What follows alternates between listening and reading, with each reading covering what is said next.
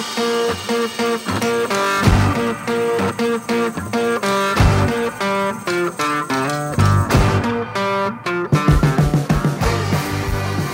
hallo, hallo, og velkommen til en ny episode av Bakrommet. I dag mangler vi Dagfinn, eh, men jeg og Anders skal prøve å lose dere gjennom det som forhåpentligvis blir en veldig spennende episode. Eh, I hvert fall for eh, fotballnerdene der ute, og det regner jeg med alle som hører på her. I dag så har vi en gjennomgang av et lag som vi har fulgt i noen uker nå, og virkelig binga eh, fotballkamper for å prøve å eh, sette oss inn i hva det er de driver med. Eh, og det er et eh, lag som eh, vi må si vi har lært en del av på veien. Eh, så hvilket lag er det snakk om i dag, Anders? Jo, det er jo selvsagt lederne av La Liga i snakkende stund, og kanskje sesongens store overraskelse uavhengig av liga og land, nemlig Girona den katalanske klubben som eh, tok sin første tur opp til La Liga i 2016-2017-sesongen. Da på sin på 87 år lang historie. Eh, de rykka jo ned i 2018-2019 igjen, og så har de tatt turen opp i 2021-22-sesongen, og endte på tiendeplass i fjor. Og nå, altså i 23-24 og per 21. januar, så leder de da La Liga med én kamp mer spilt enn Real Madrid, vel å merke. De har jo slått Real Madrid og Barcelona for eh, første gang historie, i historien sin i løpet av de siste fem årene. og Om, det ikke, om ikke det her er en solskinnshistorie, så vet ikke jeg, Marius. Nei, det er en ganske utrolig historie. Et lag som eh, kan sies å være en, en bitte lillebror til eh, Barcelona i nærområdet. Eh, det sies jo disse kommentatorene i La Liga når de prater om eh, Girona, så, så nevner de også at fansen ikke bare er Girona-fans, men også gjerne er Barcelona-fans i samme slengen, eller i hvert fall har vært det. For nå begynner det å bli et lag som, eh, som det går an å holde med helt på egen hånd uten å tenke noe på, på naboklubben. Så ja, det er absolutt en solskinnshistorie. Ja. Det er litt som å holde med Levanger og Rosenborg, vil du si, eller blir det litt uh ja, det vil jeg si. Den er jeg ja. helt enig i. Ikke sant, ikke sant. Nei, det, eh, selv om det er en bitte lillebror, så har de jo blitt ganske stor. Da. Det er jo et par kjente navn av, på fotballspillerne som er der, og den klubben har jo eierskap som eh, eh ja, også eier store deler av Eller er fra City Group, da. Nå holder jeg på å snakke meg veldig bort der. Men eh, en stor eier av det fotballaget her heter jo Pere Guardiola, og dere kan jo gjette hvem han er bror til. Og det er jo et par stykker her som har direkte koblinger til Manchester City. F.eks. Jan Koto, som er andre sesong på lån. Jangel Herrera, som var eid av City, men fikk aldri spille for dem, eh, egentlig. Og så har du Savio, som er i City Group eh, og ble kjøpt fra Troyes i Frankrike, mener jeg var. Og så har du Alex Garcia og Erik Garcia, som spilte for City før, men uh, som ikke har noe direkte kobling akkurat uh, nå. Da. Så det, det, er jo en solskinnshistorie uansett, men du kan jo merke at det, det, er noen som har gått inn med litt, og de har uh, fått litt mer ressurser enn de bitte små klubbene har foreløpig. Så det er litt mer ressurser enn Levanger har per dags dato, mest sannsynlig. Mer enn Stjørdalsblikk òg, tipper jeg. Forhåpentligvis. ja. Og treneren til Girona han heter for Michel Sanchez. Det er en kar som eh, tilbrakte store deler av spillerkarrieren sin i Rayo Vallecano. Han tok over eh, Rayos A-lag i 2017 som trener, og fikk sparken to år og en måned senere. Deretter så for turen til Huesca sommeren 2019 på nivå 2. Rykka opp der og fikk eh, sparken i januar 2019. Fikk jo faktisk da være der en god stund, da, hvis man tenker på hvor kort trenere vanligvis sitter i en sjefsstol. Det var akkurat det jeg eh, tenkte på nå. Der hvor ja, det var ganske bra. holdt i to år. og eh, Du kan ikke si det samme om Troy Dini. Nei, og når du sier liksom, ramser opp her når han fikk sparken, så høres det jo dårlig ut, men det er jo strengt tatt ikke det. De fleste trenerne på nivået her får jo sparken før eller senere. Men han tok over Girona juli 2021 og rykka opp på første forsøk gjennom playoffs. De havna jo på sjetteplass i Segunda, men kara seg videre til La Liga og tok en tiendeplass i fjor, da, som jeg tror jeg har nevnt allerede. Men nå er de jo på toppen. De er jo laget som har skåra flest mål og leder tabellen. Og det var vel ikke så mange som har sett for seg før, uh, før i år. Absolutt ikke. Jeg må jo si at når man ser på spillertroppen i seg selv, så er det ikke en tropp som skriker uh, toppen av La Liga. Det er Eh, en del ukjente navn, og eh, mange som ikke har lykkes, kanskje, i de andre stedene de har vært. Eh, så her har det blitt gjort en veldig god både rekrutterings- og trenerjobb, som er vel grunnen da, til at vi har virkelig satt oss ned og sett hva, hva er det som skjer her. Hvordan, hvordan klarer de å få så mye ut av den troppen de har. Ja, Nei, og så litt sånn disclaimers før vi begynner å gå på episoden. da, så har jeg slitt litt med forkjølelse, så hvis stemmen min begynner å ryke etter hvert, så bear with me. Det gikk jo, gikk jo nesten litt galt på Liverpool-episoden òg, Marius, når jeg mista stemmen eh, halvveis uti der. Men eh, vi får klare oss gjennom. Helt utrolig at vi ikke sier fra til deg på, på veien her når du du bare hører stemmen bare brister og blir bort, mer og mer borte for hvert sekund som går, og vi sitter der og er helt stille. Ja, kom igjen, da. Fortell. Ja. og så er det jo, det er jo klart, uten Dagfinn i rommet, så er jo ikke alltid at faktaene er så på stell som de kanskje burde ha vært, men eh, vi får kompensere med sjarm og kule sveiser, Marius. Ja, vi får ta det litt mer på, på flaks. ja, vi gjør det. Yes, men eh, skal vi kjøre på da, med litt uh, fagprat? Vi kan gjøre det. Uh, skal ja. vi ta og kanskje begynne med åssen uh, lagoppstillingene generelt ser ut, og de, de, hvordan de stiller opp både offensivt og defensivt? Men kan ikke du fortelle lytterne våre først hvor mange kamper du har sett av Girona de siste to ukene?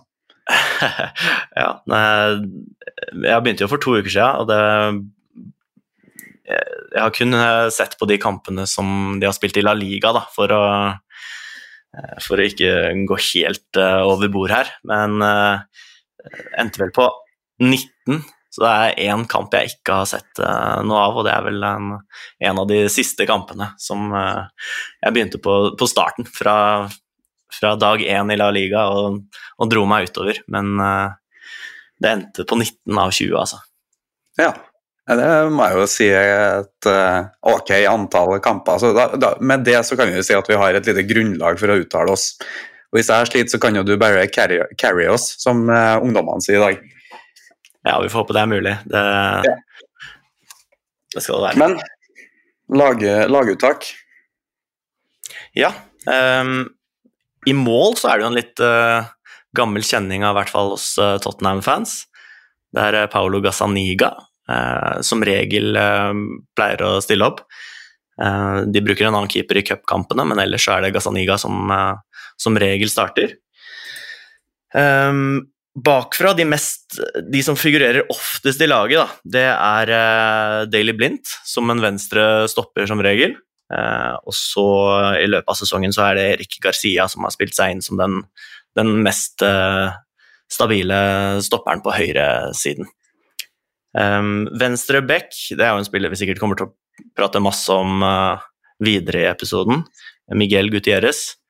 En uh, tidligere Real Madrid-akademiprodukt, uh, tror jeg, som virkelig har hatt en, en, stor sesong, og som kommer til å bli en stor spiller, er det i hvert fall mulig å spå i år. På høyre back så har det vært mye forskjellig. De har brukt en mer defensiv Arnao eh, på høyrebekk, mens hvis de ønsker at høyrebekken skal komme høyere i banen, så har de brukt eh, Jan Kauto som regel. En eh, veldig teknisk, kvikk, god balanseoverføring. Eh, type back som er mer offensiv enn han er defensiv. På midtbanen Alex Garcia har vært den store, store spilleren der. Eh, fast inventar og eh, som regel spilfyreren, han som, han som dirigerer de andre rundt seg og setter opp det, mye av det offensive spillet. og har en ekstrem fot som han bruker å dra opp når det trengs. ved siden av han, i en dyp posisjon som regel, Ivan Martin. De spiller altså fire altså, Som de setter opp laget sitt på papiret, så er det ofte 4-2-3-1. Mens defensivt så ser det oftere ut som en 4-4-2, Uh, og offensivt så liker de å rotere seg til en trio bak. Eh, to dype eh, og fem offensive spillere. Ganske lignende sånn som um, Affe i RBK har, har starta sin RBK-karriere. Um, I tierposisjonen som regel er det Jangel Herrera som har operert.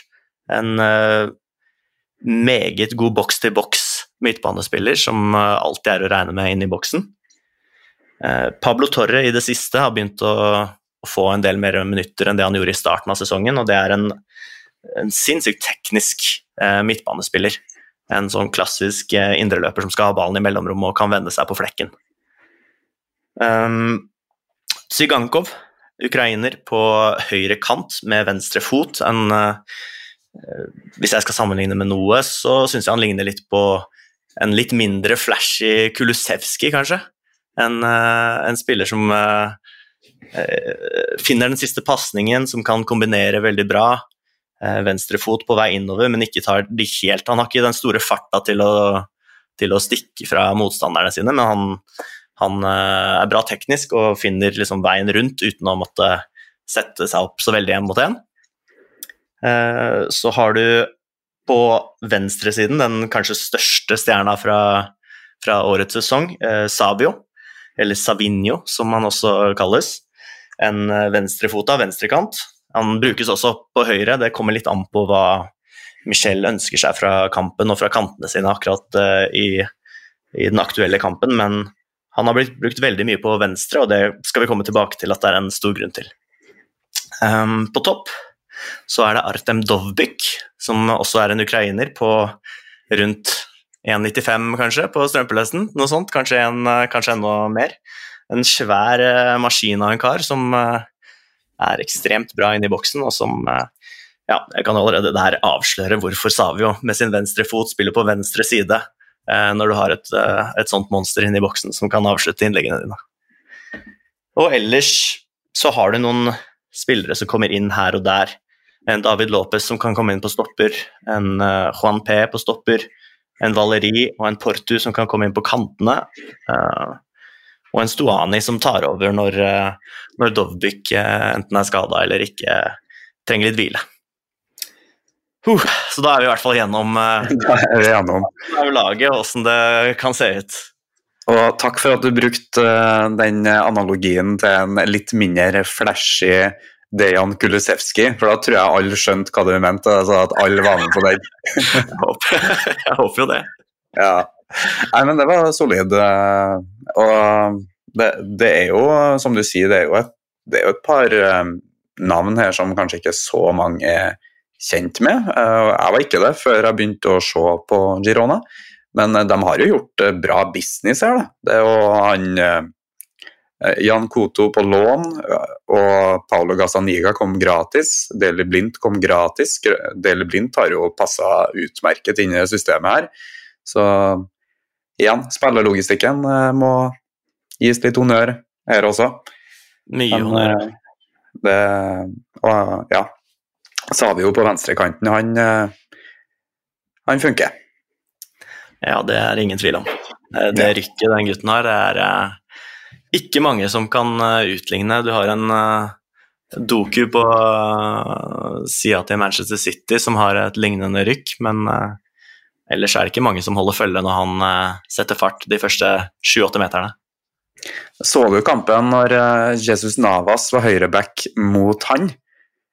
For det syns jeg var litt artig. Jesus Navas skal jo til høyre og spiller på høyresida og har gjort det samme i 30 år sikkert men ingen har liksom klart å stoppe han, for han er så rask at så lenge han timer eh, utslaget og akselereringa si, så er det umulig å stoppe innlegget fra å komme. Men da har du en høyreback som har gjort det samme hele livet når han er offensiv. som likevel ikke klarer å stoppe Savio fra å gjøre akkurat det han sjøl er best på.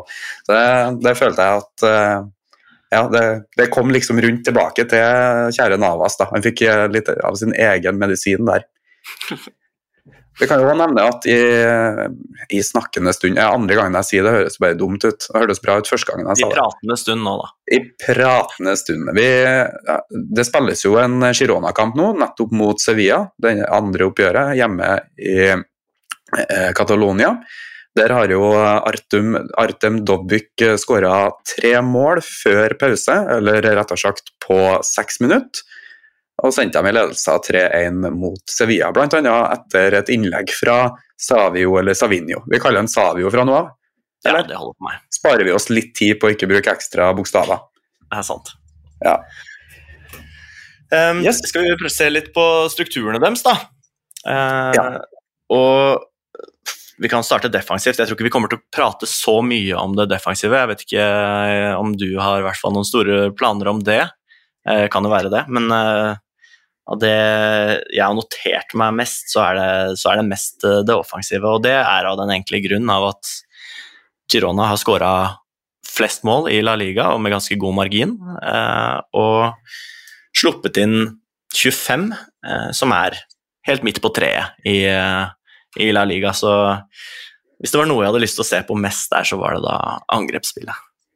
Ja, men uh, det er et godt fotballag uh, på den samme måten som jeg har sagt at Liverpool er et godt fotballag der de er gode i alle spillets faser. Uh, det er bare det at de har ikke det, det, er jo den kvalitetsforskjell på City sine spillere og Girona sine, selv om de er i samme group akkurat nå. Så, men fortsatt så er Girona god i det meste, altså. Eh, defensivt så er jo den eh, mest vanlige strukturen vi ser frem 4-4-2, 4-2-3-1. Eh, og der de er ofte i høyt press. Spisser som stenger tilgangen til sentralt fremrom som førstepri. Men de er ganske fleksible og har et par gode løsninger for å både låse til sidene, veldig aktive spisser, særlig spissen på ballside, og Dovbyk han skårer ikke bare mål, han springer også veldig mye eh, defensivt. Han blir nok eh, kjøpt til en storklubb veldig snart. Eh, flink til å låse mot ei side og være aktiv nok, da, samtidig som du gjør den viktigste jobben med å stenge inn sentralt. Og de er litt asymmetriske noen ganger, der de prøver å holde Savio litt høyere. Eh, antagelig litt for eh, å dekke over hans sine defensive mangler og for å utnytte hans sine offensive styrker, vil jeg anta. Han, eh, det er mye bedre for Girona om han er ganske høyt i banen hvis de vinner.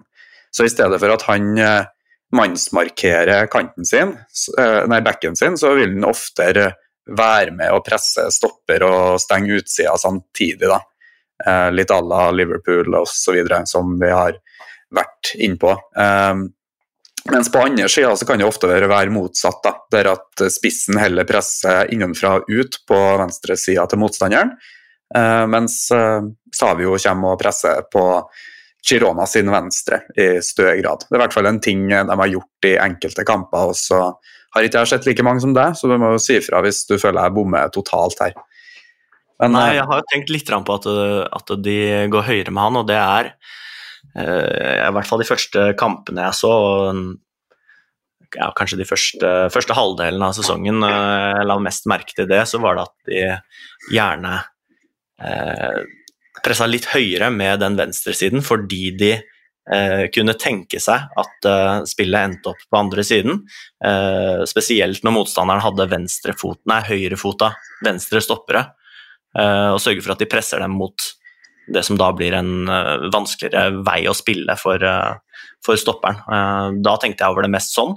I løpet av de kampene som har gått, så har det blitt mer og mer tanker om at de liker veldig godt å skjule, litt som du sier tidlig i setningen din der, skjule manglene til spillerne sine og fremheve styrkene deres. Og det, at det er en, en stor egenskap som Michel har. Ja, en treners jobb, vil jo jeg si, på veldig mange måter. Og det samme var det i den De har jo vært i fembacksrekke to ganger. Eh, om det er en, eh, Eh, det er vel en mer sånn Det er litt vanskelig å si hvorfor det blir sånn. Eh, om det er markeringsansvar eh, Jan Koto har. Det er han som ender opp som en ekstra spiller i den backrekka ofte. Sammen med de tre stopperne, Erik Garcia og han Daily Blindt og sistemann som eh, Lopez, selvsagt. Som en bakre trio. Og Jan Koto som en høyre wingback slags Eh, de vil jo fortsatt da ha Savio høyt i banen og trekker ikke han ned som en wingback i de kampene. Så det tyder jo på at de har en tanke om at han skal være ganske høyt i banen, eh, også defensivt, hvis de, eh, hvis de kan velge. Mm. Og de to kampene hvor de da eh, trekker ned en ekstra spiller, som regel så spiller de 4-4-2, men så er det to kamper hvor de eh, kanskje tar litt mer hensyn til eh, motstanderens kvalitet og blir med det som da blir en slags wingback i både Atletico sitt eh, 3-5-2-system, hvor de spiller med wingbacker i hvert fall fra start. De legger litt om i løpet av kampen, men det er i hvert fall hovedplanen. Og så er det Barcelona sin, som legger da som regel om til en slags 3-4-3, eh, og dermed får en wingback eh, litt høyere i banen. Og da svarer Girona med å bli med den wingbacken med høyre kanten sin som regel. Eh, for det er der de kan ofre en eh, kantspiller til å være med ned i forsvar, fordi eh, den kantspillerens kontringsevner er kanskje ikke på samme høyde som det Savio sin er. Ja, så kan en jo spørre om det er egentlig en 5-3-2 hvis det bare er pga. en spiller som kommer opp eller ned, om Cancelo var det som spilte venstreback da, var ikke det? Så han var, jo, han var jo høyere i banen hvis Cancelo var lavere i banen også, så det er jo til dels en konsekvens av en markeringsoppgave, men det er jo en kosmetisk forskjell når du uansett forsvarer deg ganske ja, mannsorientert, i hvert fall i den kampen, da, eh, ja. i bakerste leddene der. Og i hvert fall når du også da velger spillere Du kan jo kalle det mer enn eh, et bevisst valg av en fembecks i forsvar, når du også velger spillere i resten av det bakre leddet som eh, normalt spiller mer stopperposisjoner. Ja, De har noen kamper der Erik Garcia har spilt høyreback òg, har jeg sett. Og da har de jo òg variert litt med hvordan den strukturen blir, faktisk. De er jo veldig fleksible defensivt eh, også. Uh, og en ting en kan merke seg, og som vi garantert kommer til å komme mer inn på her, er det her med at de tilpasser Altså, de spiller ofte med spillere ut av posisjon, ser det ut som på papiret men gjør strukturelle endringer enten offensivt eller defensivt for at det skal passe, da, sånn at det passer deres kvaliteter. Sånn som Lopez har jo spilt sentral midtbane en del kamper på papiret, og så har hatt den rollen i en 4-4-2 defensivt, og så har han falt ned offensivt. Mens uh, i Barcelona-kampen så hadde Koto en uh, wingback-rolle defensivt og var en mer kant offensivt igjen. Uh, og hadde egentlig samme oppgavene. Så der eh, er det, jo, det er jo veldig moderne, vil jeg si, og veldig bra at du tar utgangspunkt i spillernes styrker og lagets uh, intensjoner, det, det de har lyst til å oppnå. Da. Så De skaper jo de samme strukturene egentlig kamp etter kamp, selv om de gjør endringer i startelver og hvor folk faktisk er i startelveren, selv om det er samme spillerne. Er, vi kan jo, jeg har en liten liste her, så jeg, jeg har sett såpass mange kamper nå at jeg bare måtte sette meg ned og lage en, eh, en liten liste over eh, eh, ti ting eh, som eh, jeg har lagt merke til og kanskje lært litt av fra Girona. Og nå er vi jo allerede på egentlig den første eh, delen. det første punktet som jeg skrev ned. Eh, så vi kan jo gå gjennom den lista litt etter hvert, eller jeg kan skyte den inn når det, når det passer seg også. Men uh, den tingen da, det er jo at man kan bytte posisjon uh, mellom omstillinger og etablert forsvar også. veldig ofte så har du en satt posisjon, og så omstiller du inn i en, i en slags posisjon, og så er det den posisjonen du kommer til å spille defensivt. En spesiell ting som Girona gjør, som jeg ikke ser veldig mange andre gjør.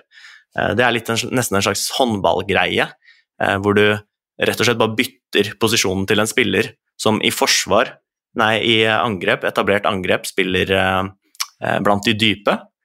Mens i etablert forsvar, ikke i omstillinger, men i etablert forsvar, når de har tid til å bytte, så kan han bytte til å bli en spiss. Så det spesielt gjør de med Ivan Martin og Jan Gel Herrera, hvor Jan Herrera eh, ofte er den klart høyeste eh, av de to når de bygger, og nesten kan sies at han spiller T-rollen og slash en andre spiss når de angriper, eh, og når de da omstiller seg til forsvaret i første fase.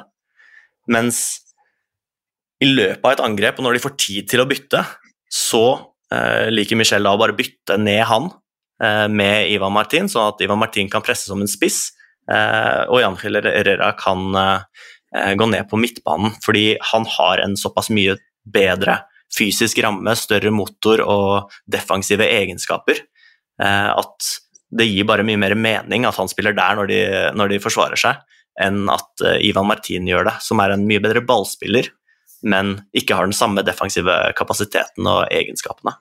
Så det er veldig gøy at han kan, han kan bare gjøre sånne bytter. Og Det får deg jo til å tenke at du kunne gjort det på mange andre posisjoner også, når du først bare får tid til å gjøre det.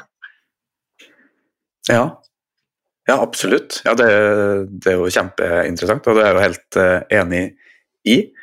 Uh, ja, og når du sier det, så jeg tenker på et klipp jeg har, og som jeg kanskje kan dele på Twitter. eller noe sånt. Du har bl.a. det her eh, med altså, hvordan formasjonen de har på papiret, egentlig ikke har noe å si for hvor de ender opp, men at prinsippene og sånt har det.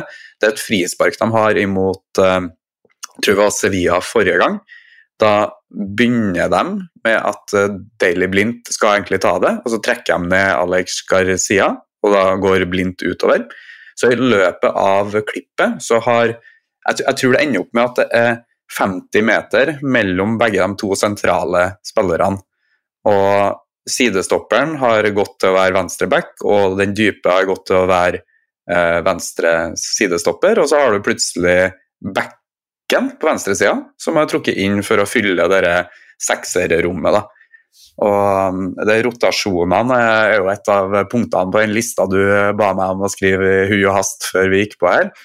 Men eh, håndballbytting det var ikke det jeg kalte det på min, biblokk, blokk, da. Det var ikke det.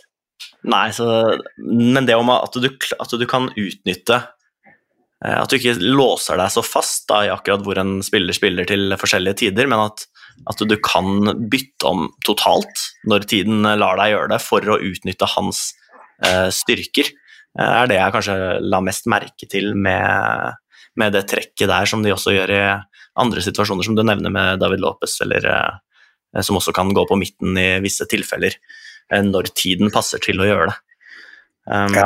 Og det, det med de, hvis, Mens vi fortsatt er inne på det defensive, da, så, så er han veldig flink til å Michel, altså, treneren, veldig flink til å forstå styrkene og svakhetene til de spillerne han har.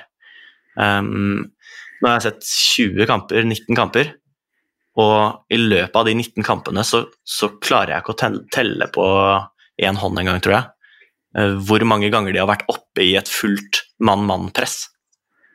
Og grunnen til det, den uh, sier seg jo selv, kanskje, da, hvis du har Daily Blindt som stopper, mm. uh, men hele backrekka, egentlig, det er ikke mange der som er spesielt gode én eh, mot én, eller eh, er noen fysiske beist, eller som er ekstremt raske. Det er ikke det de er henta for å være i systemet her. Eh, men det, det veit Michel fra før. Ikke, han har ikke henta dem for å være det. Han har henta dem for å være ballspillere og spillere som kan forstå det han driver med. Og da er det jo veldig treffende at han klarer å lese akkurat det og sørge for at systemet hans nesten aldri setter dem eh, i de situasjonene at de må forsvare på måter som er ukomfortable. Mm. Og de har jo vært eh, Jeg nevnte jo ikke i stad når vi var innom det defensive, for det henger jo òg litt med det offensive, men de er jo ganske bra i gjenvinningspress og sånn, så de slipper jo en del av de løpeturene som de eventuelt kan havne i. Eh, det har jo skjedd et par ganger at de må ut og springe, og da sliter de jo. Så det er jo absolutt en svakhet de eh, må dekke over. Eh, og Samtidig så sier det litt om presset deres. for Selv om de ikke går mann til mann, så er det ikke sånn at de blir bare spilt rett av eller havner i veldig tråkige situasjoner. Så nei, de, de har greid å kamuflere det ganske bra. Ja.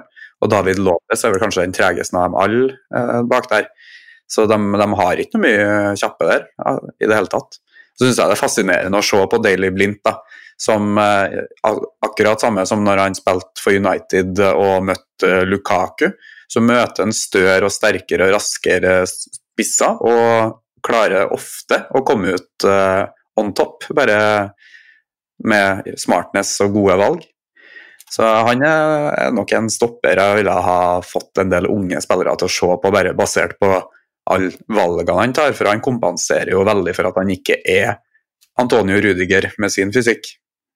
Det er jo det som er litt uh, spennende av det, av det, Michel har gjort. Dette her er nå et annet uh, punkt jeg har lagt, men uh, hvor mye basisferdigheter har å si, og hvor mye vekt han legger på gode basisferdigheter.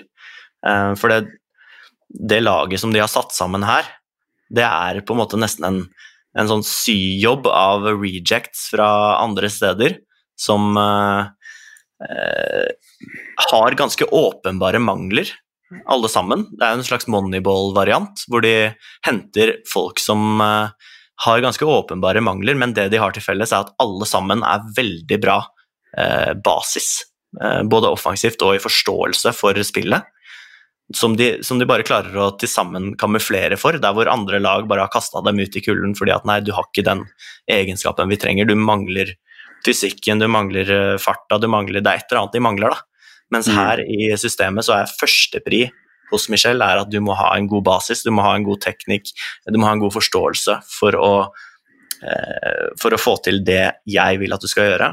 Og når han da klarer å samle så mange spillere som forstår det han driver med, og som kan utføre det teknisk, så driter han i at de har mange andre mangler, men setter dem bare sammen til å få til det han vil.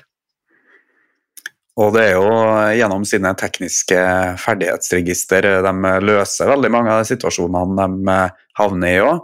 Eh, lag som har et godt posisjonsspill, havner oftere i enklere offensive situasjoner enn dem som har et dårlig posisjonsspill, men vil ofte havne i situasjoner som er halvvanskelig eller vanskelig uansett. og Da er det jo en fordel å ha Ilkay Gundogan eller David Silva til å løse dem opp. Eh, det har ikke Girona, men bare for at alle skal være med på poeng her. Og Det er ofte at sånn som Jan Koto eh, dribler horisontalt, han dribler sideveis inn i banen bare for å bevare ballen og komme seg ut av press før han sentrer videre. Det samme kan egentlig alle på laget gjøre. At de tør å drible og ha ballen sjøl ganske lenge før de slipper den. Jeg tror han hadde en teamtalk òg. Eh, den hørte kanskje du også. Den florerte litt på Twitter og sånt. Der han eh, ikke ville ha Jeg var misfornøyd med Jeg tror det var én Sevilla-kamp. Jeg lurer på om det var den. Der at han var misfornøyd. Det høres ut som jeg bare har sett én kamp, og det er Sevilla-kampen. du også kamuflerer dine mangler godt. Ja, men, men eh, nei, de, han sa vel noe med at han ikke ville ha noen én touch-pasninger. Altså ta to touch, bruk nok touch på ballen sjøl, sånn at det neste altså, blir en god pasning videre. Jeg tror han nå i den dur. Det er i hvert fall noe med den rytmen der som han var veldig opptatt av, kontra noe mer taktiske instruksjoner. da. Så det kan nok stemme, det. Skal vi gå litt sånn eh, punkt for punkt nå, eller? Ja, vi kan gjøre det, men kanskje så folk skjønner hva vi mener i disse punktene, så kan vi bare sette opp litt åssen det ser ut uh, offensivt. Uh, mm. Så la oss si da, at de har spilt 4-4-2 eller 4-2-3-1 i, um, i, det defensive, uh, og så bruke det som et utgangspunkt for å forklare hvordan de offensive posisjonene blir. og da kan vi anta at Miguel Gutierrez han spiller uh, venstreback, og det gjør han omtrent alle kamper. Det er uh, sjelden at de bytter ut den kombinasjonen med Miguel og Savio på venstresida. Um, så har de ofte Daily Blind, ofte Erik Garcia, og så kanskje Arnao, eller om det er David Lopez, eller om de, de bruker gjerne tre i den backfireren. Så vil de gjerne ha tre stykker som kan operere mer som stoppere i en, uh, i en frispilling. Eh, så det det gjør, det er at Daily Blind han trekker ut som en venstre sidestopper. Eh, David Lopez eller Garcia kan trekke inn sentralt. Eh, og om det da er David Lopez eller Ardnau eller en annen som spiller på høyre back, så blir det en mer høyre sidestopperposisjon. Så har du to dype, alltid med Alex inn i miksen der. Og gjerne Ivan Martin ved siden av når de da er i angrep mens Jan Herrera kanskje spiller der når de forsvarer seg. um, med to dype. Så da utgangsposisjonen her er da en 3-2-shape. Um, Miguel fra sin venstreback-posisjon han gjør sånn som uh, Destiny Odoji pleier å gjøre for Tottenham. Går opp som en uh, indreløper, uh, men også med muligheten til å droppe ned og hjelpe litt dypere i banen. Litt på samme måte som det Udoji eller Pedro Porro kan finne på å gjøre i Tottenham. Men posisjonene her er ganske mye mer eh, strikt i forhold til Tottenham, vil jeg si. Det er eh, litt mer, litt mer eh, frihet, om du vil, i Tottenham sin eh, shape. Eh, der hvor det her virker som om eh, Michel trekker veldig i stringene. Han veit hvor de skal være plassert, basert på hvordan motstanden er og hvordan de trenger å rotere for å finne de rommene de ønsker seg. Eh, så Miguel oppe i en sånn venstre indreløper slash tier-posisjon eh, som et utgangspunkt. Eh, og så har du en Jan Herrera, som da er en høyre indreløper, eller kan legge seg inn mer sentralt uh, iblant for å uh, spille i tierrollen. Det vil skje oftere når de spiller en 3-1-5-1-shape. At de kan trekke opp Ivan Martin og Jan Herrera, begge to opp i mellomrommet, med Alex Garcia alene i dypet. På høyresida, Zygankov. Han eh, kan gjerne spille bredt. Eh, og da er det, hvis de ønsker en venstrefota spiller på den siden Jan Koto han spiller der gjerne også, i bredden, men da med en høyrefot. Og på topp er det Dobvik eh, som regel, med Stuani som kommer inn som en supersub og redder dagen en gang iblant.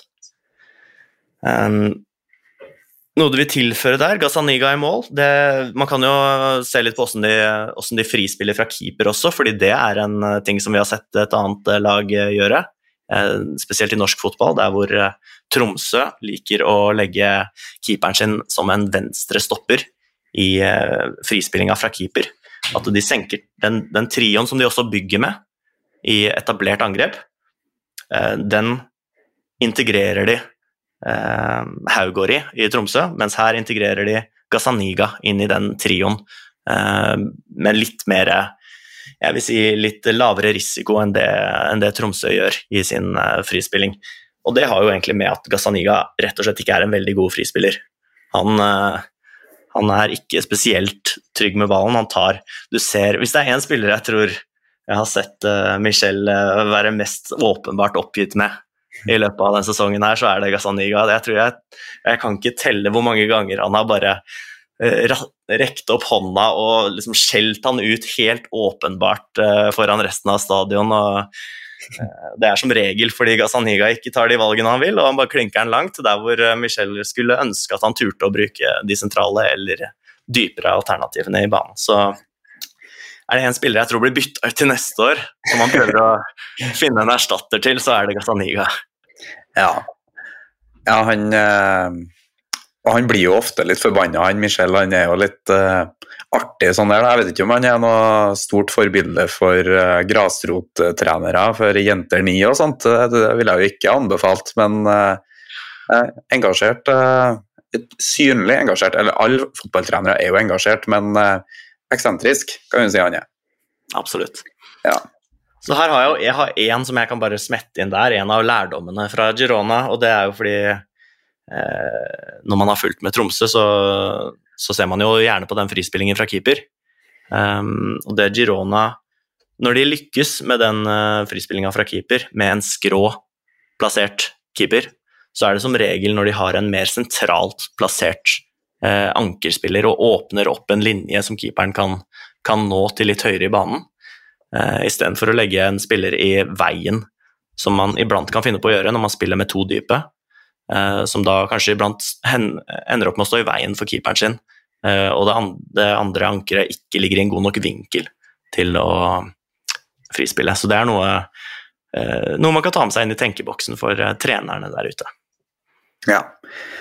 Nei, vi kan jo Jeg vil jo ta det litt tilbake der, skru, skru litt tilbake her med det her med fleksibilitet og hvor dynamisk det er. Jeg syns jo Gutieres på venstrebekken han jo, han har jo kanskje et litt mer begrensa aksjonsrom enn det Udogi har, men eh, det er fortsatt ganske mye større enn eh, den, eh, vante venstrebacken fra tidlig 2000-tall i Norge, f.eks.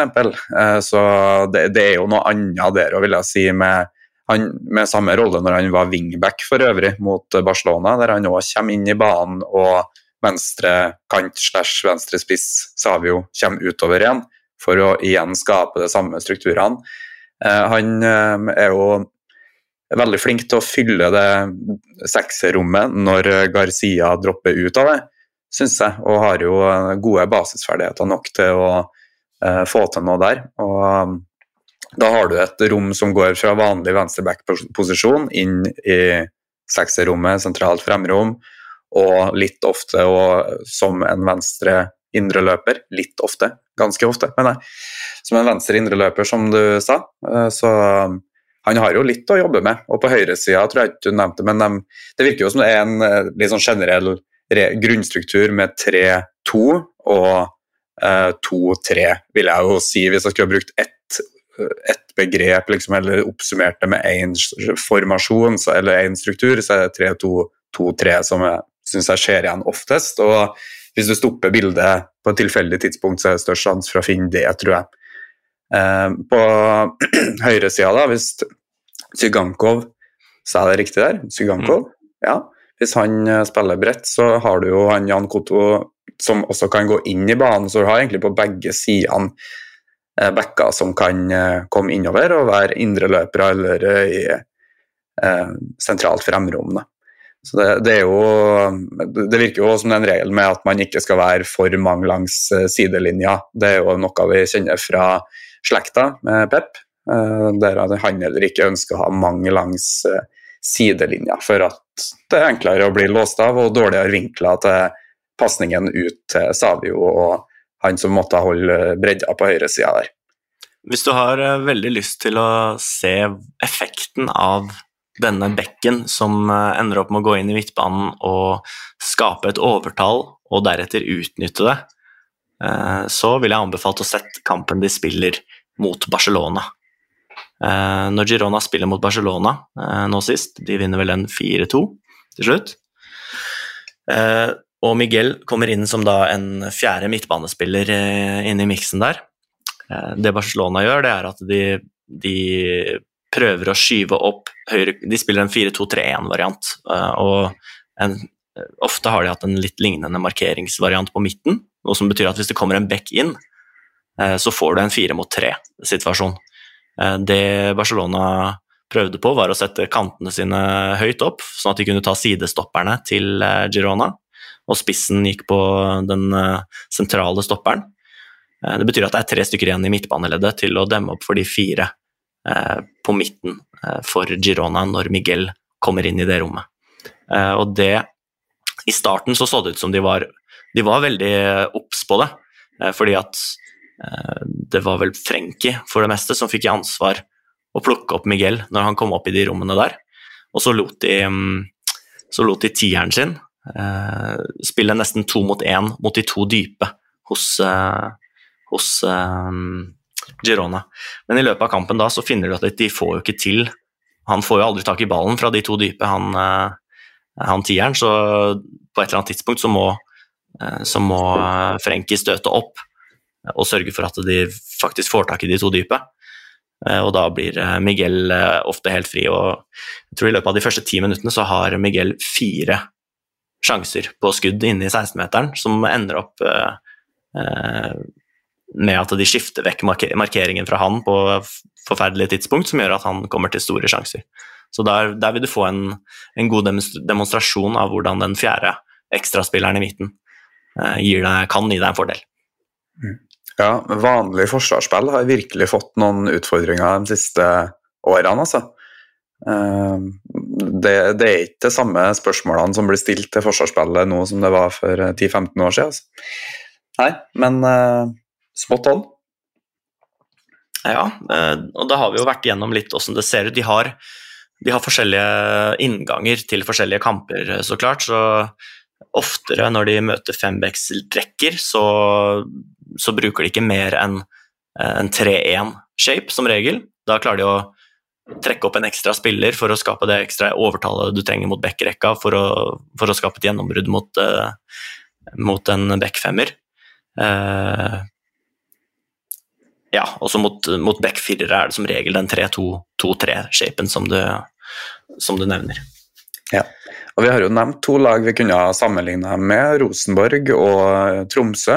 Eh, der jeg vil si at det Girona prøver på, er jo å eh, altså komprimere sentralt, eller enten spille gjennom sentralt eller komprimere sentralt, sånn at de kan gå bredt. Uansett så ønsker jeg å finne tak i Savio, helst bredt, så tidlig eller i en så god posisjon som mulig, så høyt som mulig. Det, det er veldig enkelt oppsummert gameplan med innlegg fra der og innlegg på da Dobbik i, i boksen. Uh, og der er det jo litt forskjell fra f.eks. For Tromsø, som uh, ville ha ballen lenger og oftere på Oppsal og Yttergård Jensen sentralt, og mer som var Det lå mer ansvar på de to sentrale, da, og kanskje litt mindre på stopperne for det med å spille gjennom sentralt. Uh, for Girona sine stoppere er jo veldig bidragsytende til at de kombinasjonene kommer gjennom midtbaneleddet til motstanderen. Eh, og det ligner kanskje enda mer på Rosenborg, vil jeg si, enn det ligner på Tromsø per nå. Der de ligner kanskje enda mer på Tromsø, er jo at man, eh, særlig i enkelte kamper til Tromsø i fjor, at de dytta opp sidestopperne når lag smala inn for mye. For på venstresida til Girona så har du jo da tre venstrebeinte med Gutieres, Blindt og Savio. Og i noen kamper så har du fått eh, virkelig utnytta venstrebeinet til Blindt. Da. Eh, blant annet tror jeg det var Mallorca og mot, eh, var det mot Alaves. I hvert fall mot Mallorca. Der blir den venstresida veldig, veldig viktig, fordi de bruker høyresida til å overloade de overloader der for å trekke Mallorca mot den sida, eller spille gjennom et overtall mot en 5-4-1, eller angripe i en tre mot tre-ish formasjon eller eh, situasjon på venstresida, med store rom på både eh, Savio, Blindt og ikke minst spissen. Hvis du får trukket unna nok folk, så kan jo Dobbik komme over og være en feilvendt trussel der. Jeg lurer på om det var han eller om det var Gutieres som var den tredje som på en måte figurerte der oftest, men eh, det å bruke ei side og skape overtall der for å så isolere den andre sida så klart, det er jo noe eh, ingen av de to lagene, Rosenborg og Tromsø, egentlig gjør i så stor grad. Der eh, Rosenborg Nå har de spilt én kamp, da, så litt tynt grunnlag, men eh, prøver det mer likevekta. Eh, Girona er først og fremst, hvis de kan, komme seg gjennom på venstresida. Det var jo mot Real Madrid eller noe sånt de hadde vesentlig flere angrep på venstre enn på høyre, og det er noe som gjentar seg ofte. Ja, og den blinde rollen da, som en venstre sidestopper Vi nevnte jo forrige eh, episode om RBK at, at gjerne Ulrik Yttergård Jensen kom uh, når Nelson fikk ballen helt, bredt.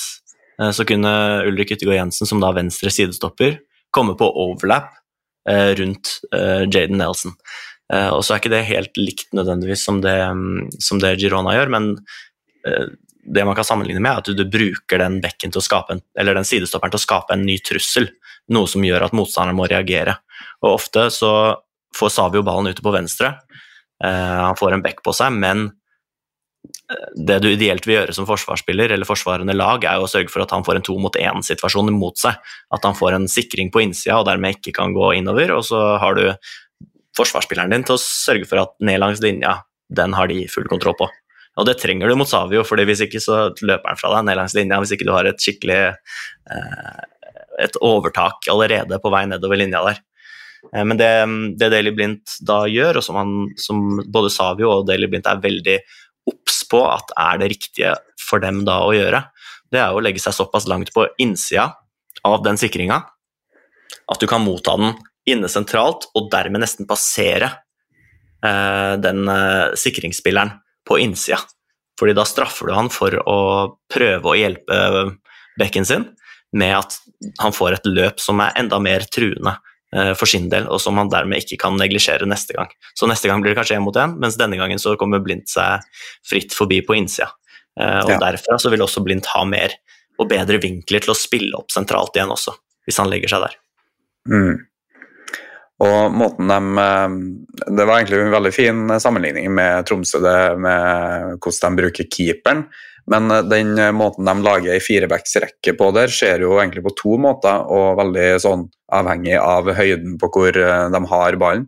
Enten så er det Alex Garcia som kommer ned, og så kommer Gutieres inn der han var, eller kanskje tieren også. Torre kan òg havne ned der. Det er veldig de er veldig flinke til å fylle de nærmeste rommene, så du har nok mm. støtte til ballføreren og nok enkle pasningsalternativer.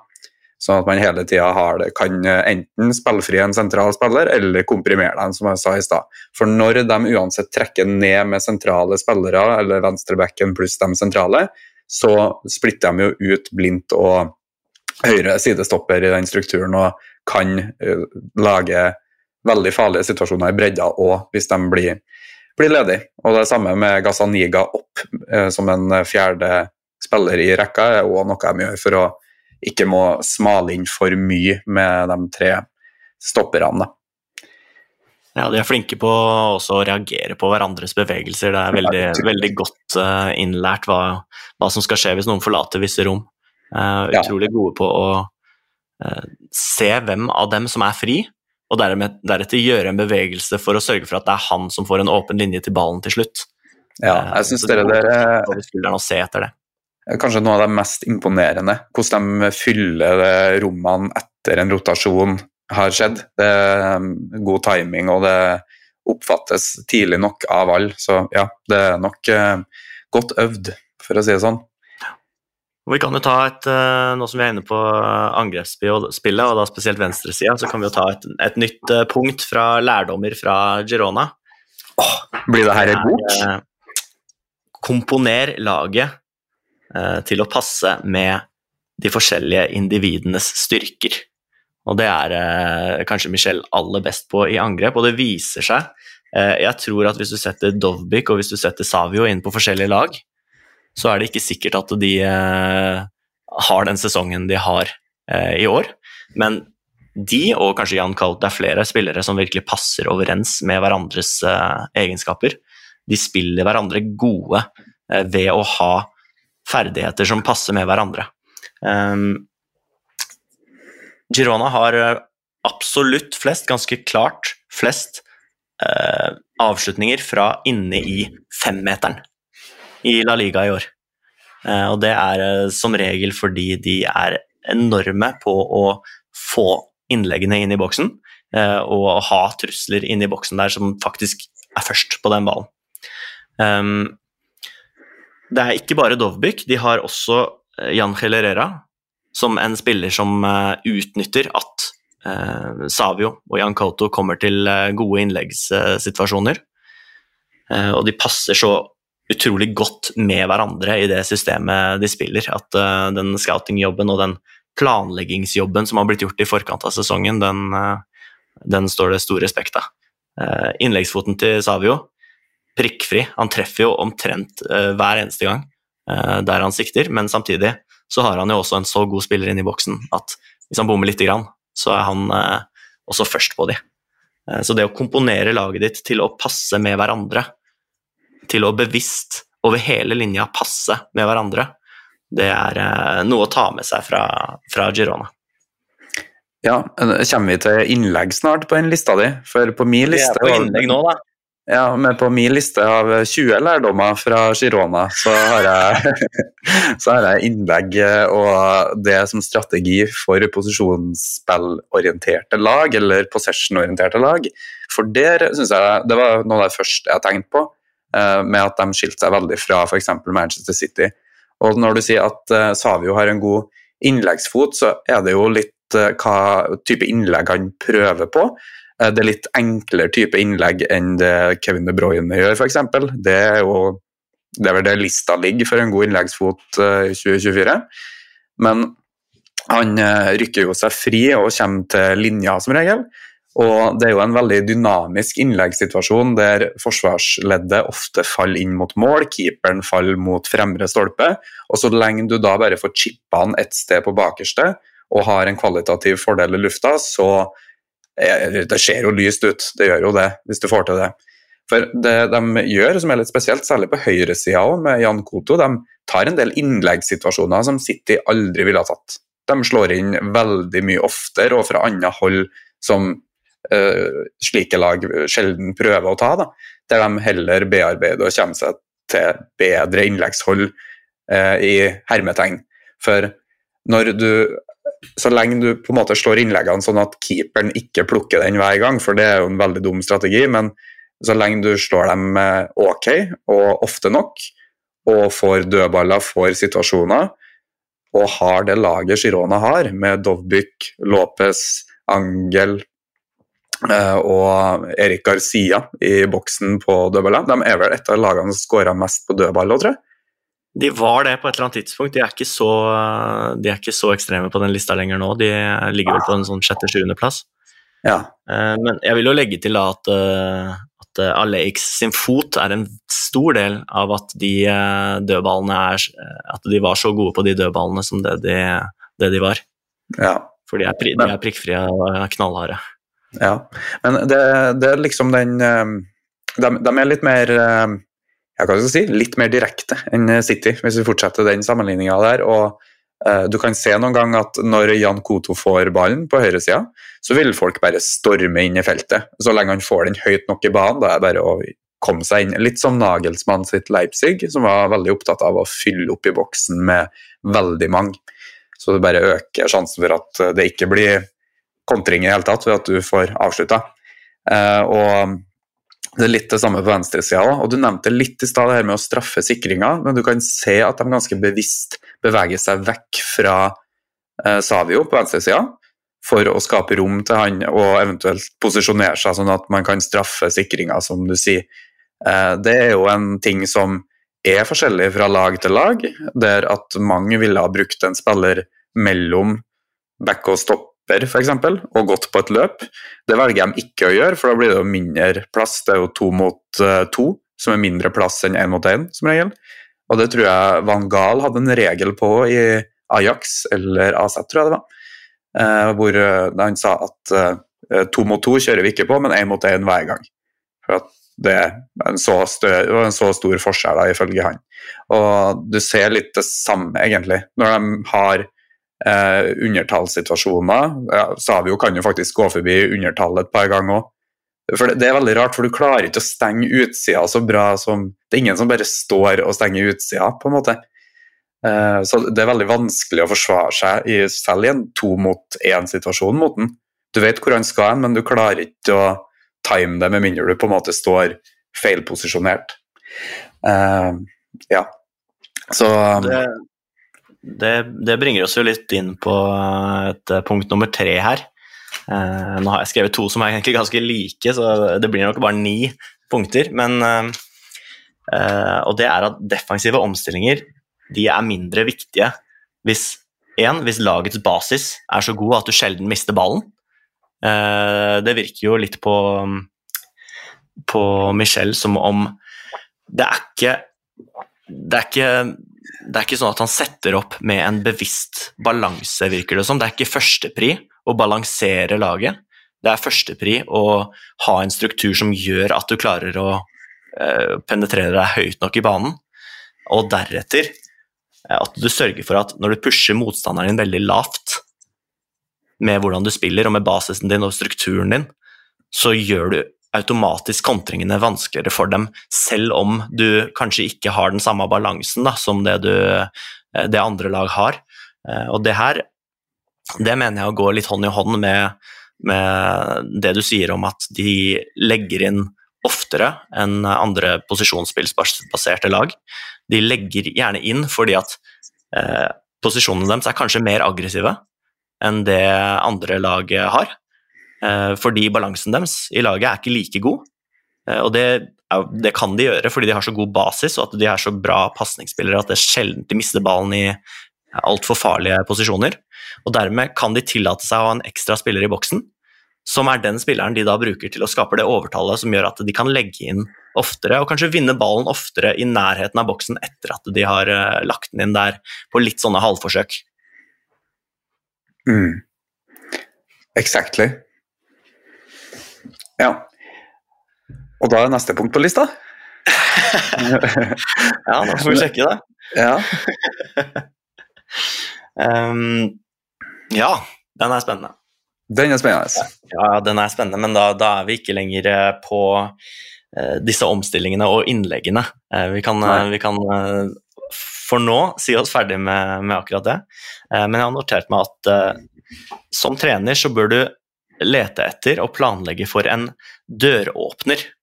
Altså en bevegelse eller en passering av motstanderen, eller en mulig passering av motstanderen, som gjør at eh, du skaper en forvirring.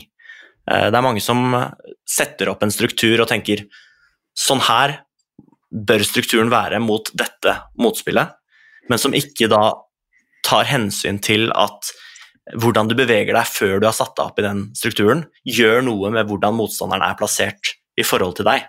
Så hvis du da eh, som eksempel eh, bruker en spiller til å trekke en motstander unna, og deretter plasserer en spiller i den strukturen du ønsker, eh, og der du ønsker å frigjøre en spiller, så bruker du på en måte den første rotasjonen, eller døråpneren, til å være det første som skjer, for å komme inn i den strukturen som du ønsker å spille i, mens motstanderen da på sikt vil kanskje henge litt etter hele veien, istedenfor å være i forkant og kan lese deg litt mer enn om du bare står der fra før. Ja, for det er jo ganske dårlig forsvarsspill. Altså sånn, du, du, kan jo sette opp struktur mot struktur på taktikktavla, men det er jo veldig dårlig forsvarsspill å ikke svare på en strukturell underlegenhet. Så ja, jeg er med på poenget. Det var interessant. Har du et konkret eksempel? Hva er det de bruker som døråpner? Jeg, jeg, jeg kunne jo Hvis jeg kunne tatt et eksempel, så ville det vært at du, den første bevegelsen du uh, Si at du trekker med deg en uh, uh, Si Miguel, da.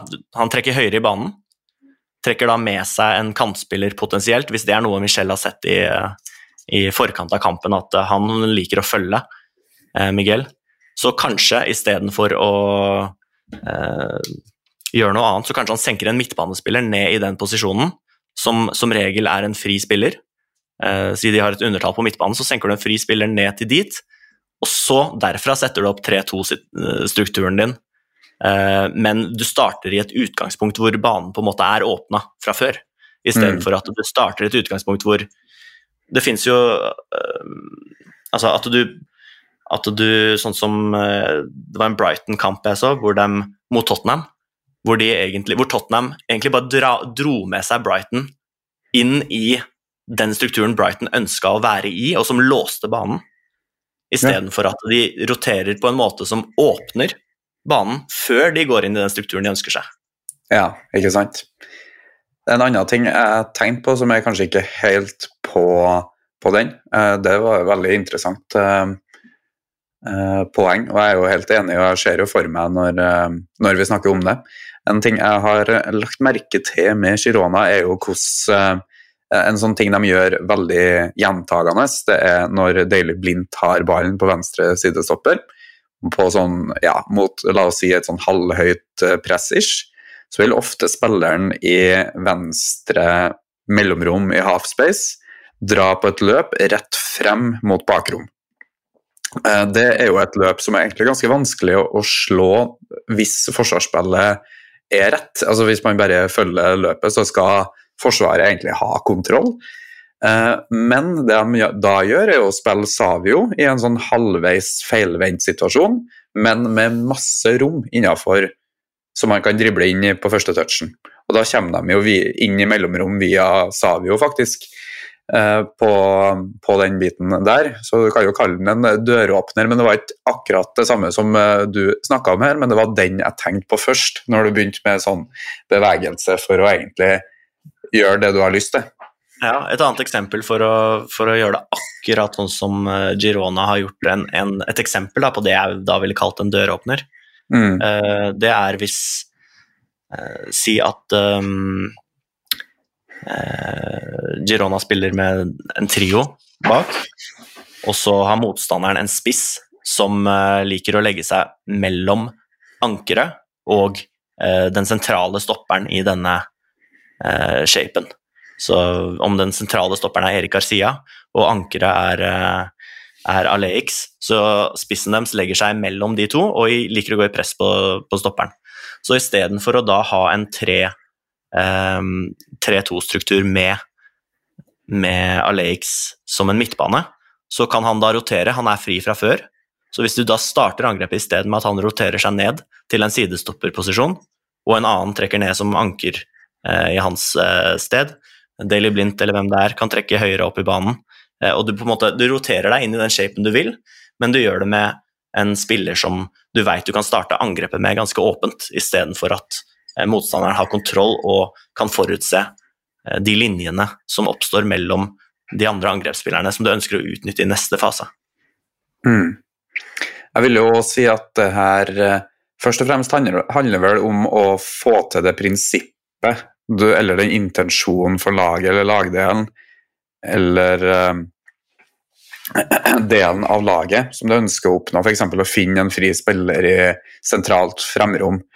Og da er jo den døråpneren der veldig nyttig, egentlig. Og rotasjoner er jo en form for eh, dismarking er jo det, er noe man kunne ha kalt det, på en måte. Der man eh, som lag har en bevegelse som gjør at man på en måte havner i den strukturen som eh, kanskje man oftest gjør da, for å få til det man ønsker. Jeg tror jo det, særlig med sånn tre boks tre-lag eller tre eh, som vi har vært inne på et par ganger nå, så vil jo det være Det er jo en fin struktur å kunne skape rotasjoner i, med fire spillere sentralt der. Absolutt. Og så er det sånn som Pep Guardiola da, har jo prata mye jeg tror, han hadde en fase hvor han um, likte å rotere mye og, og, likte å bruke en del av de konseptene. At du uh, ja, flytter mer på deg, mens han etter hvert ble mer opptatt av Siden han har så god basis i laget sitt, så er det ikke like nødvendig for han å rotere seg til gode, eh, små fordeler, som det er å bare ha riktige spillertyper i de riktige posisjonene. Så han endte opp med å bli litt mer statisk i hvordan, eh, hvordan de eh, rotasjonene foregikk, fordi at han foretrakk bare å bruke basisen til de spillerne eh, og ha fysisk korrekt spiller på riktig sted. Ja, og der eh, er det jo litt sånn eh, også med hvilket lag du har, med en diamant bestående av Busquets, Messi, Iniesta og Xavi. Så der lurer jeg på nesten om du bare kunne ha sagt uh, 'do your thing', og så vil det skje en del ganske naturlige rotasjoner med Daniel Alves også, da. Vi må ikke glemme han oppi der.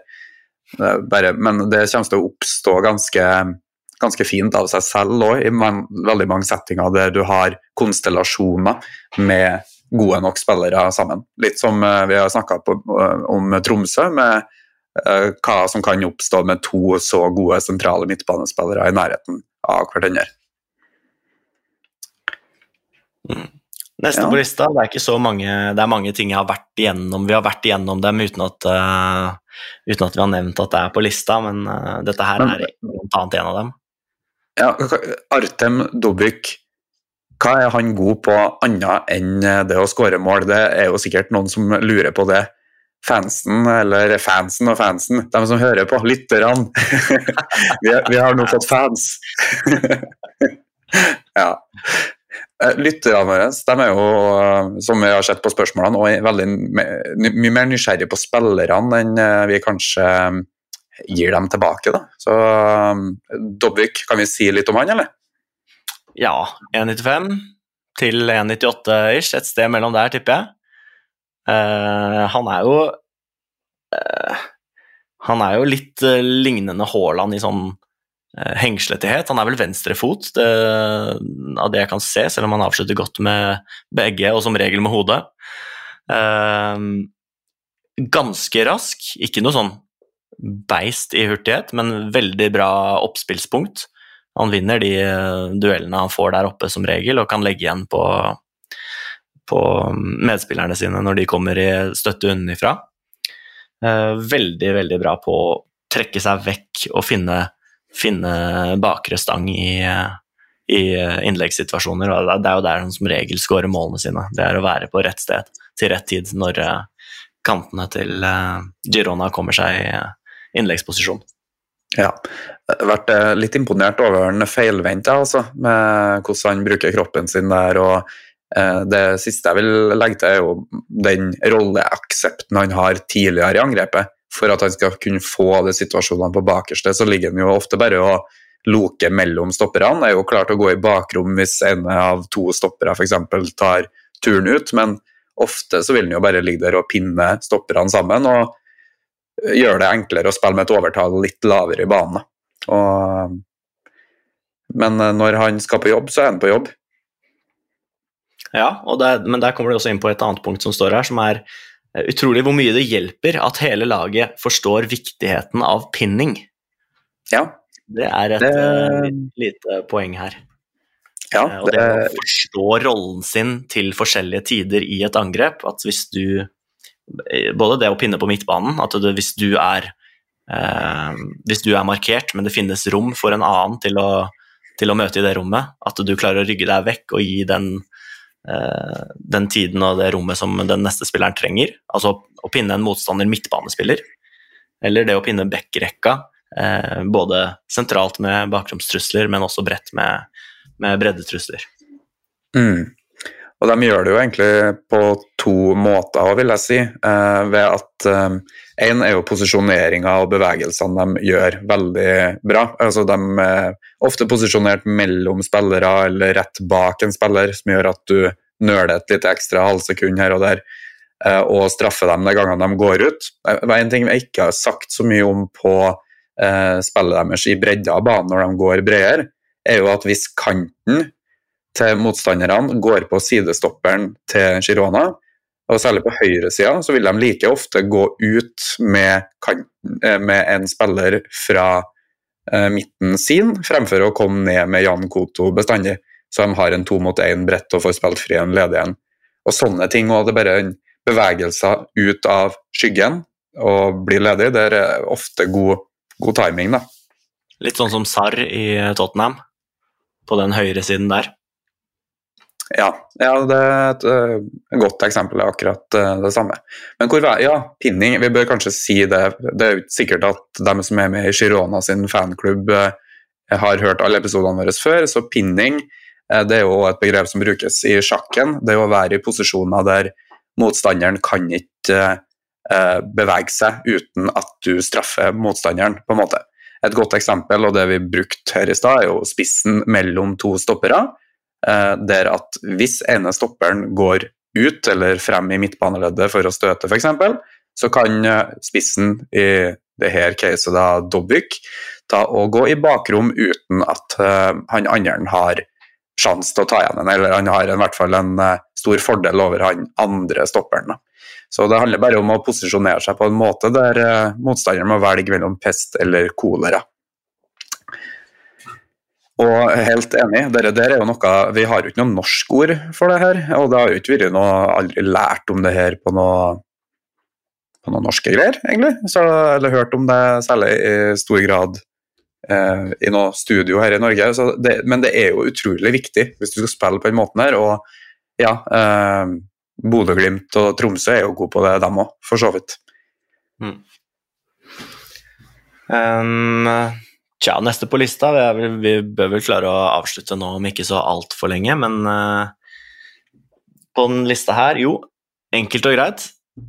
Det å sette sammen elleve teknisk gode spillere, så er det lett å få planen din uh, ut i livet. Um, sørg for at du har elleve gode spillere utpå der som teknisk klarer å gjennomføre det du ønsker. Så er det mye lettere å, å være fleksibel også som trener. og være fleksibel i hvilke innganger du kan ha til kamp, og hvilke, hvilke små verktøy du kan bruke for å komme deg fri.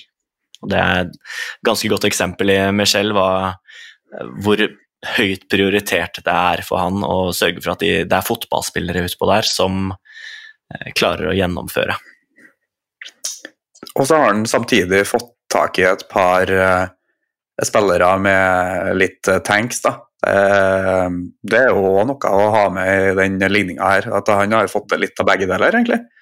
Egentlig. Så ikke bare feinschmeckers, men det er noen eh, skikkelig bøller der også, hvis de vil.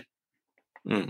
Også de blir brukt på riktig måte. og det, det De har jo egentlig ingen ekstreme det man kaller på engelsk interiors, eller eh, interiores på spansk. Oi, oi, oi.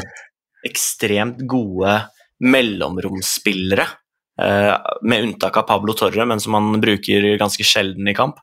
Mm. Eh, så er ikke midtbane indreløperprofilene, tierprofilene deres, noen store vendingsspillere som også er aggressive mot backrekka og fører på og dribler seg gjennom sentralt. Det er det veldig lite av, fordi de ser kanskje at nei, jeg trenger bare en, en god basis, fordi, og kanskje en ekstremferdighet i en eller annen fase av spillet. da. Eh, sånn som Jan, Fellerera. At du har en ekstremferdighet i å kunne være god i boksen. Istedenfor at du er så god til å drive på og har alt, så er det god basis, og så har du en ekstremferdighet som du tar med deg og hjelper laget med. For det, det de gjør da, de trenger ikke å avslutte angrepene fra sentralt, fordi de har den ekstremferdigheten på vingen. Så etter de har spilt seg gjennom sentralt, kanskje de holder ballen sentralt et, uh, en stund, men til slutt så skal angrepet ende opp med en kantspiller én mot én. Gjerne komme seg til eh, linja eller komme seg akkurat forbi og klinke ballen inn i boksen. Eller henge den opp på bakre mot eh, to gode uh, boksspillere. Ja, så oppgavebeskrivelser til de eh, interiores der, som vi kaller dem nå, blir international etter hvert. her.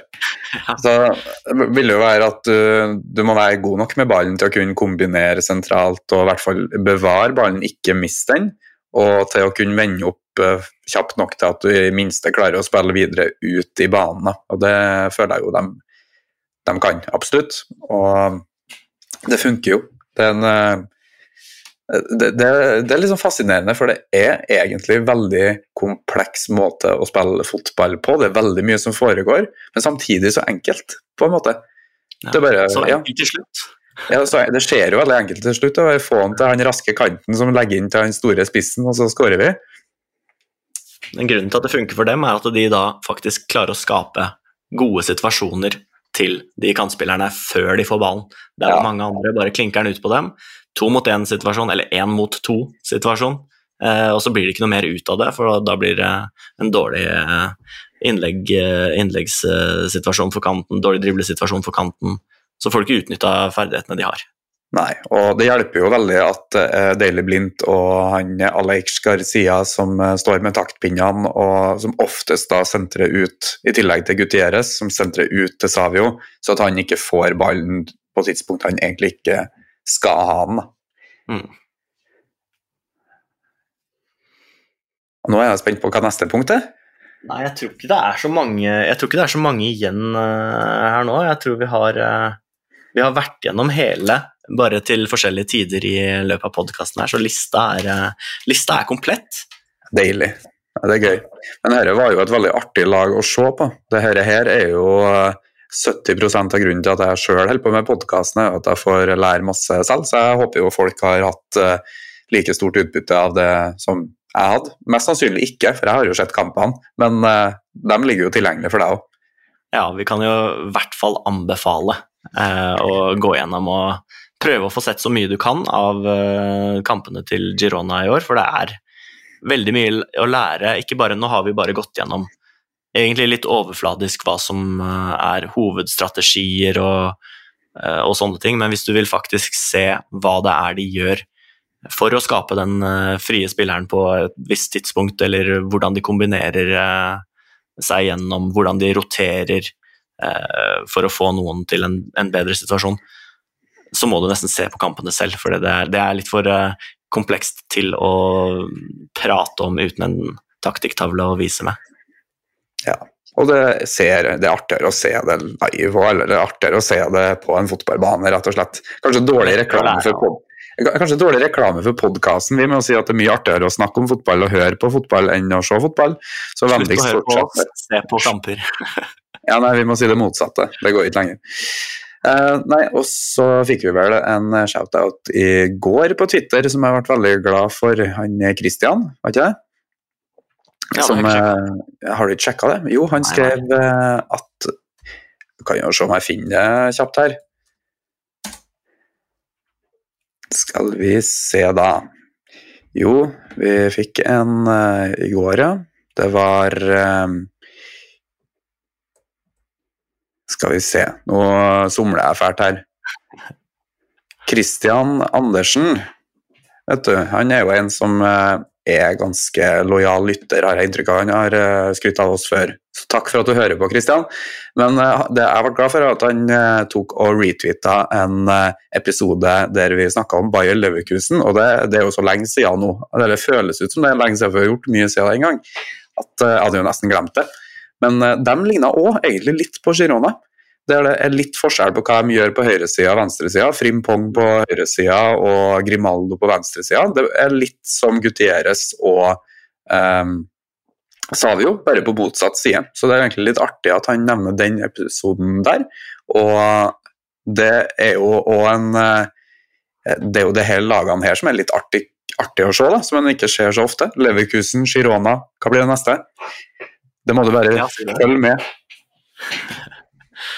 Ja, nei, men jeg er nå i hvert fall uh, veldig fornøyd eh, med å ha lært mye av å se Girona i det siste, og gøy å fått, uh, fått det litt ut. Uh, fått prata litt om det, så det var, det var en, et par kule uker for min del. Og da tror jeg vi bare sier takk for følget, og på gjensyn. Ha det godt. Ha det godt.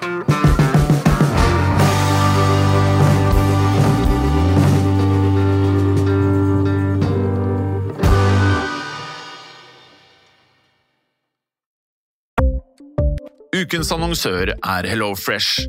HelloFresh er verdens ledende matkasseleverandør og kan være redningen i en travel hverdag. Mange av oss har nok vandret i butikken både sultne og uten en plan for middagen, som ender med at vi går for de samme kjedelige rettene gang på gang. Middag burde være dagens høydepunkt. Som HelloFresh kan du nå velge mellom 25 ulike retter hver eneste uke, eller få HelloFresh til å sette sammen menyen for deg.